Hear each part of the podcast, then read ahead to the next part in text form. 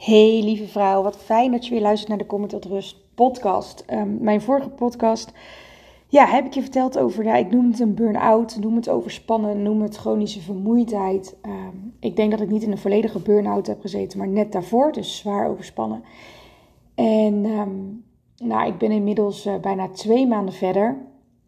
En ik dacht, ah, ik ga even een update doen, maar ik ga jullie ook even de ja, gevaren dan wel signalen laten zien van een te hoog cortisol level. Want ik weet dat hier zoveel vrouwen mee rondlopen en ik wil jou behoeden voor het plekje waar ik me nu bevind en waar ik nu uit aan het komen ben. Want ehm, wat gebeurt er nou vaak bij een burn-out of bij uh, overspannenheid? Is dat jouw cortisol levels hoog zijn. En cortisol is eigenlijk een heel fijn hormoon. Cortisol hebben we ochtends nodig om wakker te worden. En uh, eigenlijk om energie te hebben gedurende de dag. En de tegenhanger van cortisol is melatonine. En wat je wil is dat s'avonds je cortisol laag is en je melatonine hoog. En uh, s ochtends dat andersom.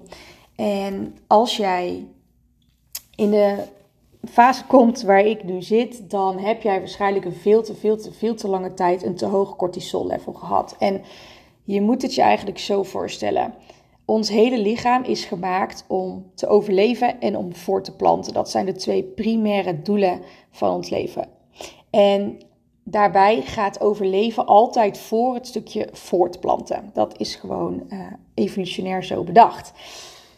En vroeger was het zo dat jij um, in principe, als je je grot uitkwam uh, in de oertijd en je kwam gevaar tegen, dan scande jouw zenuwstelsel, die is constant aan het scannen heel de dag door. En als jouw zenuwstelsel gevaar scande, dan zorgde die ervoor dat jouw sympathische zenuwstelsel in actie kwam. En jouw sympathische zenuwstelsel zorgt ervoor dus dat cortisol omhoog gaat, dat adrenaline aan wordt gemaakt, dat dopamine aan wordt gemaakt. Waarom? Fight of flight. Dus al die hormonen die worden aangemaakt om ervoor te zorgen dat je in actie komt. Welke actie het dan ook is, het zorgt ervoor dat je kunt overleven. En eh, normaal gesproken is het zo dat op het moment dat jouw zenuwstelsel uh, het gevaar niet meer scant, dus het gevaar is geweken, dan ga je van het sympathische parasitische, pa, zo, van het sympathische zenuwstelsel ga je naar het parasympathische zenuwstelsel. Dus eigenlijk juist niet het vechten en het, uh, uh, of het vluchten, maar juist het ontspannen. Dus je parasympathische zenuwstelsel zorgt voor ontspanning en rust in je lichaam. En eigenlijk is dat de status waar jouw lichaam wil zijn. Daar is jouw cortisol is laag. Um, op dat moment is jouw lichaam niet bezig met overleven, maar met, kan die zich focussen op een stukje voortplanten. Dus bijvoorbeeld um, als wij in heel erge stress verkeren, dan is jouw lichaam dus aan het overleven en niet aan het voortplanten. Wat er dan gelijk voor zorgt dat bijvoorbeeld jouw libido een stuk lager is. Nou, daar kom ik zo nog even op. Maar je hebt dus een sympathisch zenuwstelsel en een parasympathisch zenuwstelsel. En in die laatste, de ontspanning, de rust, daar wil jouw lichaam zijn. Daar hoort hij te zijn. Echter, bij momenten van stress schakelen we naar het sympathische zenuwstelsel. En dat is het probleem momenteel in onze huidige wereld. Um, want die stress die we ervaren als er, weet ik veel, een leeuw voor je neus staat, dat is stress voor je lichaam. Dat is waar je voor moet vluchten. Echter, de stress die wij in onze huidige samenleving ervaren, die is voor jouw lichaam precies hetzelfde.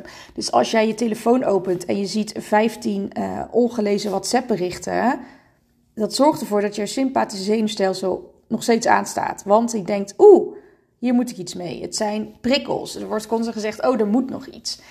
Um, dus vormen van stress kan ook zijn dat we niet goed eten, dat we ongezond eten of dat we te weinig eten, dat we te veel eten. Er zijn heel veel vormen van stress. Hè? We hebben nog mentale stress misschien van, uh, I don't know, financiële situatie, iets wat er met je kinderen aan de hand is, iets wat de familie is. Um, dan heb je gewoon nog stress op het lichaam, bijvoorbeeld door te veel sporten of door te weinig sporten. Um, we hebben constante prikkels, prikkels, prikkels, prikkels. En alles dat bij elkaar zorgt ervoor dat we dus niet meer schakelen naar dat parasympathische zenuwstelsel. En dat wil je dus echt hebben. Anders dan raak je gewoon chronisch oververmoeid.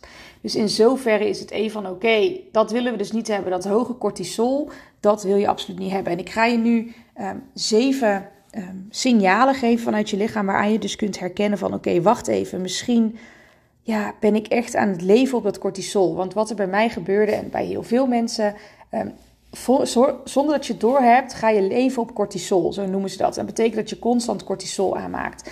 Ehm, en dat voelt best wel lekker, want dat betekent voor je gevoel heb je dan dus de hele tijd energie. Kun je best wel door, je bent wel ergens vermoeid, maar mooi, je gaat wel lekker. Totdat je rust neemt, totdat je in mijn geval op vakantie gaat en dan zegt opeens heel je lichaam, ho ho, dit gaan we niet doen. Ehm, en dan ben val je dus wel opeens echt in die chronische vermoeidheid. En uh, nou ja, zo nogmaals, dat wil je voorkomen. Dus ik ga je een aantal signalen geven um, die heel veel voorkomend zijn. En ja, even, ik, ik kan ze allemaal afvinken.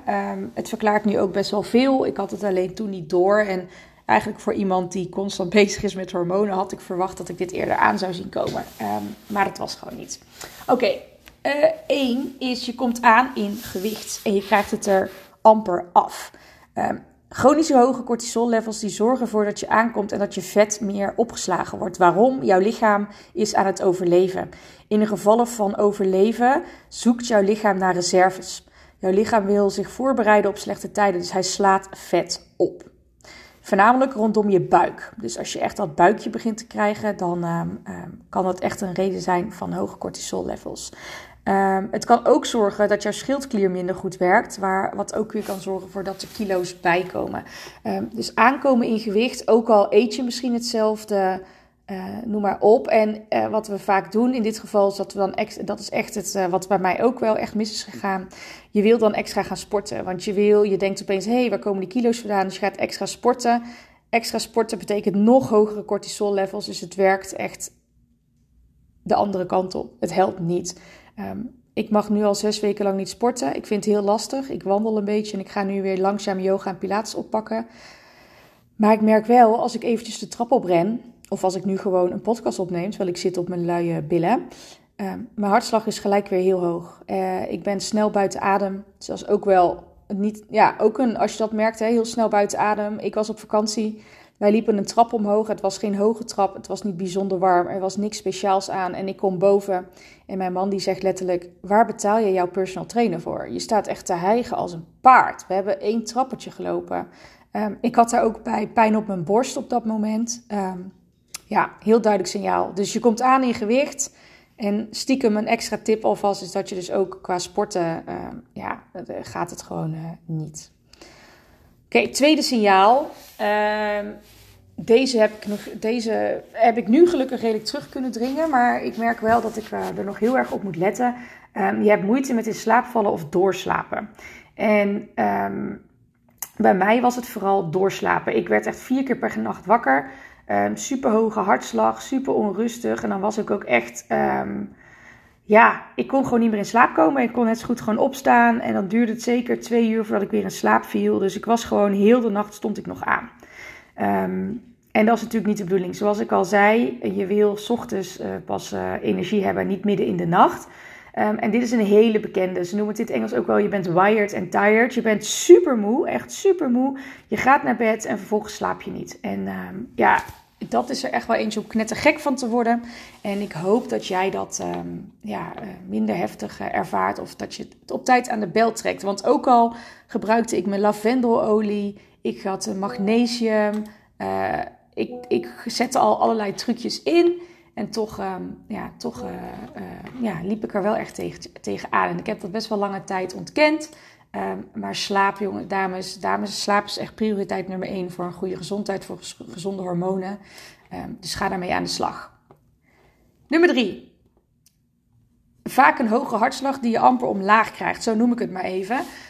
Hoge cortisol betekent gewoon meer stress in je lijf en eigenlijk een constante stress. En dat zorgt ervoor dat je ademhaling omhoog gaat. Uh, je wordt misschien wat kortademiger, maar vooral uh, dat die hartslag omhoog gaat. En ik ben iemand die, ik weet best wel wat over ademwerk. Ik kreeg normaal met de meditatie mijn hartslag altijd makkelijk omlaag. Ik kreeg het gewoon niet meer voor elkaar. Hetzelfde is als ik dus een trap opliep, dan was mijn hartslag gelijk uh, 140. Um, ja, dus bij alles merk je dus dat je ademhaling en je hartslag omhoog gaat. En bij je ademhaling merk je ook echt wel dat uh, ik heel veel moeite had om naar mijn buik te ademen. En altijd boven in mijn borst ademen. En dat is wat je niet wil hebben. Voor dat parasympathische zenuwstelsel, voor die ontspannende kant, uh, wil je dus eigenlijk altijd uh, dat je naar je buik kunt ademen. En dat je een lagere hartslag hebt. Dus als jij merkt dat je herstel dus ook heel slecht is hè, nadat je iets hebt gedaan. Of dat je merkt dat hij opeens piekt let op, dit is een signaal. Nummer 4, je eetpatroon verandert. En um, uh, ik had het toen niet zo door, maar als ik er nu op terugkijk, denk ik: holy moly, dit was eigenlijk een hele duidelijke. Want ik heb dit ook vaker geleerd, ik heb dit gelezen. Um, ik zie het bij andere hormooncoaches, ik weet dit donders goed. Maar um, ik heb dat gewoon een beetje genegeerd. Jouw eetpatroon verandert. Wat verandert er als jij hoge cortisol levels hebt? Dan gebeuren er eigenlijk uh, meerdere dingen, maar je eetlust neemt af. Terwijl als jij ochtends wakker wordt, zou je eigenlijk binnen 30 tot 60 minuten moeten ontbijten en ook echt willen ontbijten. Je moet eigenlijk als vrouw wakker worden met trek of met honger, hoe je het wil noemen. Yes. Ik was het altijd. Ik was ook meestal niet te genieten. Nou, dat is niet helemaal waar. Maar ik moest altijd eerst ontbijten voordat ik andere dingen ging doen. Um, en de afgelopen maanden had ik helemaal geen behoefte aan ontbijt. Had ik geen ontbijt. Ik had wel ontbijt, maar omdat ik wist dat het moest van mezelf, maar niet op het moment dat ik opstond. Daar kon echt een paar uur tussen zitten. Um, en nu zijn er heel veel mensen die gelijk zeggen: ja, intermittent fasting. Nou ja, dat is even een heel ander verhaal. Misschien maak ik daar nog wel een keer een losse podcast over. Misschien heb ik het al gedaan, ik weet het eigenlijk niet. Um, maar je moet eigenlijk trek hebben. Je moet drie keer per dag zin hebben om te eten. Nou, mijn eetlust nam af, maar ik had wel fucking veel zin om te snoepen. Dus ik ging wel snoepen. En uh, s'avonds bij het avondeten had ik dan geen honger. Of bijna geen honger. En dat is gewoon niet goed. Dat wil je niet. Het is een teken dat het niet zo goed gaat met je. Nummer vijf. Ja, laat ik daar ook nog maar weer eens een boekje over doen. Um, zoals ik zei, voortplanting en overleven. Daar ben je voor op de wereld gezet. Dat is wat ons lichaam doet. En als je aan het overleven bent, dan is jouw lichaam niet bezig met voortplanten. Dus jouw libido daalt echt als een malle. Ik kreeg pas geleden nog een mailtje van een dame en die zei: Ja, sinds ik de Moonflow thee drink, is mijn libido afgenomen. En toen dacht ik: Huh, dat vind ik gek. Want meestal hoor ik het tegenovergestelde. Nou, na een beetje doorvragen bleek gewoon dat ze drie onwijs stressvolle maanden heeft gehad. En dat komt er op een bepaald moment uit. En dan zakt jouw libido echt meteen. Um, A, doordat je hormoonbalans, um, uh, het stukje oestrogeen, progesteron, zeg maar, uit balans kan raken. Uh, maar ook gewoon dat je lichaam er verder niet mee bezig is. Dus je libido is er niet, want je lichaam die, die voelt zich niet veilig. Er is geen veilige omgeving om een kindje op de wereld te zetten. Dus jouw libido, um, ja, die is gewoon compleet weg. En um, ik moet eerlijk zeggen, nu acht weken later is die nog steeds niet echt terug. Maar oké, daar wordt aan gewerkt. Uh, nummer 6. Angstig, depressief, prikkelbaar, dat soort gevoelens. Um, je terug willen trekken, alleen willen zijn. Echt, ik zeg alleen in een hoekje willen huilen. Um, is ook echt wel uh, wat cortisol doet. Het stresshormoon is namelijk um, in het hersengebied verantwoordelijk voor het verwerken van al je negatieve emoties, zoals angst en woede. en als het stresshormoon dus veel meer in dat gebied aanwezig is, ja, dan gaan we dus veel meer spanning en angst voelen. En waardoor als je dat nog meer gaat voelen, dan voel je je nog prikkelbaarder. Uh, en je bent dan ook gewoon minder goed in staat om met stress om te gaan. Dus het is al een beetje stress um, worden heel lastig. En even extreem voorbeeld daarvan. En um, uh, ik heb dit ook bij vrienden om mij heen gezien die echt met een burn-out thuis zaten. Ik kreeg dus, normaal ben ik heel goed in keuzes maken, beslissingen nemen. Uh, nu vroeg mijn man, waar wil je vanavond eten? En dan begon ik gewoon te huilen. Als hij zei, wil je vanavond pasta of pizza? Dan dacht ik, I don't know, ik weet het niet, wil jij kiezen? Zo, het is dan, alle kleine beetjes werden een extra vorm van stress. Uh, keuzes maken is een vorm van stress. Daar ben je nog minder goed in om te handelen. Dus je wordt gewoon prikkelbaar, angstig, depressief. In mijn geval huilen. Ik moest om alles janken. Um, heeft er ook mee te maken dat als het. Um, uh, als je cortisol hoog is, dan kan je serotonine niet zo goed aangemaakt worden. En je serotonine, ja, die zorgt juist eigenlijk hè, dat, dat, je, dat je je normaal gesproken vrolijker voelt en beter voelt. Dus ja, dat heb je dan ook nog eens niet. Dus het werkt eigenlijk twee kanten op.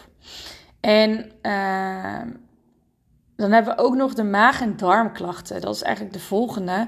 Als jouw cortisolwaardes hoog zijn, kun je echt heel veel klachten ervaren. Misselijkheid, diarree of juist verstopping, buikkrampen, eh, brandend maagzuur. Um, lekkende darmsyndroom, hè? Dat, dat heb je misschien ook wel eens van gehoord. Je, je maag en je darmen hebben heel veel te verduren. Eh, het probleem is dat juist je maag en je darmen goed moeten functioneren om je ook weer beter te voelen. Dus je komt een beetje in een visuele cirkel. En um, ja, daarom is het dus extra belangrijk om gezond te eten. Maar dat is heel moeilijk als je zo vermoeid bent en je je slecht voelt. Uh, maar ja, heb je dus veel uh, maag- en darmklachten of geregeld opeens diarree, dan, um, ja, kan dat daar ook aan te linken zijn. Ehm, even last but not least, want ik, je weet het, ik hou niet van hele lange podcasts. Um, verkouden. Als je hoge, cortisol, cortisolspiegels hebt, dan kan je immuunsysteem die wordt zwakker. En als jij dus merkt van dat je echt om de haverklap snot verkouden bent, uh, dat je slecht daarvan herstelt, uh, wellicht andere vormen van, uh, van ziek zijn, dan heb je dus echt wel een verzwakt immuunsysteem, wat kan komen door je hoge cortisolspiegels. Um, dus zoals je hoort, normaal gesproken als cortisol kan echt super lekker hormoon zijn, maar we moeten hem in balans hebben. Hetzelfde met oestrogeen. Um, en als je dus jouw lichaam een langere tijd die hoge dosis cortisol krijgt, dan ga je gewoon ontzettend veel klachten ervaren. En voor je het weet, ben je chronisch vermoeid of ga je richting een burn-out. En als jij hier nou dingen in herkent, schrik niet. Ga hier niet gelijk meer door stressen, maar zie het als een besefmomentje. Zie het als: oké, ik mag hier iets mee doen. En um, ik denk dat ik ook nog even een podcast binnenkort ga opnemen over wat welke stappen ik heb gedaan. Wat ik aan het doen ben om ervoor te zorgen dat ik uh, weer uh, de oude word. Uh, maar je kan hiermee aan de slag. En uh, ik weet je, plan eventueel bij mij een één op één coaching in. Dat doe het in plaats van de menstruatiecyclus. Kun, kan ik je hier ook mee helpen. Want het is gewoon echt tijd dat je hiermee aan de slag gaat. En, en dat is dus ook een van de redenen waarom ik nu one day retreats organiseer. Zodat je een dag lang niet voor anderen hoeft te denken, te doen. Dat je niet hoeft te zorgen. Dat je... Ik sprak van een week een dame en die zei ook van ja, ik heb gewoon 13 jaar lang altijd met iemand anders problemen heb ik ondersteund. Maar ik weet helemaal niet meer hoe ik me voel en wat ik wil. En iemand vroeg, heb je hobby's? En ik wist geen antwoord. En dat raakte me zo erg, want dat is precies die strukkel die ik had toen ik op steeds... Ja, maar wat ga ik nou heel de dag thuis doen dan? Ik wist niet anders dan werken. En um, ja, dat vond ik eigenlijk, als ik er nu aan terugdenk, schrik ik daar best wel van. Kan ik er gelijk ook weer emotioneel van worden. Um, maar bij haar dacht ik ook, oh lieve vrouw, kom alsjeblieft naar het One Day Retreat. Ga eens even voelen, ga eens even voelen hoe je, wie je bent en wat je wil en, en waar jij gelukkig van wordt. Zonder altijd op anderen te moeten, uh, op voor anderen moeten zorgen of dat anderen op jou steunen. Je mag echt die plek innemen om voor jezelf te kiezen. En dat is precies wat ik nu ook aan het doen ben. Um, maar ik wilde je dit meegeven. En herken je het en denk je, nou, zo'n one-day retreat. Er is nog plek op zondag 10 december. Um, ik zal de link hieronder in de beschrijving zetten. Kun je het gewoon eventjes lezen. En wat zo bijzonder is aan wat we 10 december gaan doen, is dat we gaan afsluiten met een ademsessie. En een ademsessie live is echt zo krachtig en magisch. En dat betekent dat je alle stress, alle pijn, eventuele trauma's, die ga je gewoon loslaten. Echt letterlijk uit je lichaam ademen. En dat geeft zo'n bevrijdend en rustgevend gevoel. Echt, trust me. Um, dat is ook een van de tools die ik heb ingezet of ben aan het inzetten om, um, ja, om gewoon weer mezelf te worden. Um, ik voel namelijk heel veel schuld, uh, schuldgevoel over de situatie waar ik in zet naar andere mensen toe. Ik, uh, ik, ik voel me heel. Ik was in het begin heel onaardig tegen mezelf. Van hoe heb ik het nou zo laten komen? Dus ik zat ook in met mijn gedachten, was ik alleen maar kwaad op mezelf dat het niet lukte. En ik was teleurgesteld voor de anderen. En ik dacht, oh mijn god, wat denkt mijn man wel niet van me? Oh, ik werd dus helemaal gek van mijn gedachten. Word ik nog steeds wel eens. Um, maar ik merk dus als ik dan even de stilte opzoek. En vervolgens via ademhaling um, bewust die dingen loslaat. Dan, dan voel je je zoveel beter. En dan voel je je zoveel krachtiger daarna. Dus mocht het iets voor jou zijn, je bent van harte welkom op 10 december. Um, laat je niet afschrikken. Het is niet uh, super spannend. Uh, iedereen die meedoet vindt het altijd een beetje spannend. Maar we gaan dit gewoon heel liefdevol uh, loslaten. Um, ja, weet je, ik hoor heel graag van jullie als jullie hier dingen in, um, in herkennen. En um, ja, stuur me even een DM of een WhatsAppje of een berichtje. Want dame, trek op tijd aan de bel, oké? Oké, love you all. Bye bye.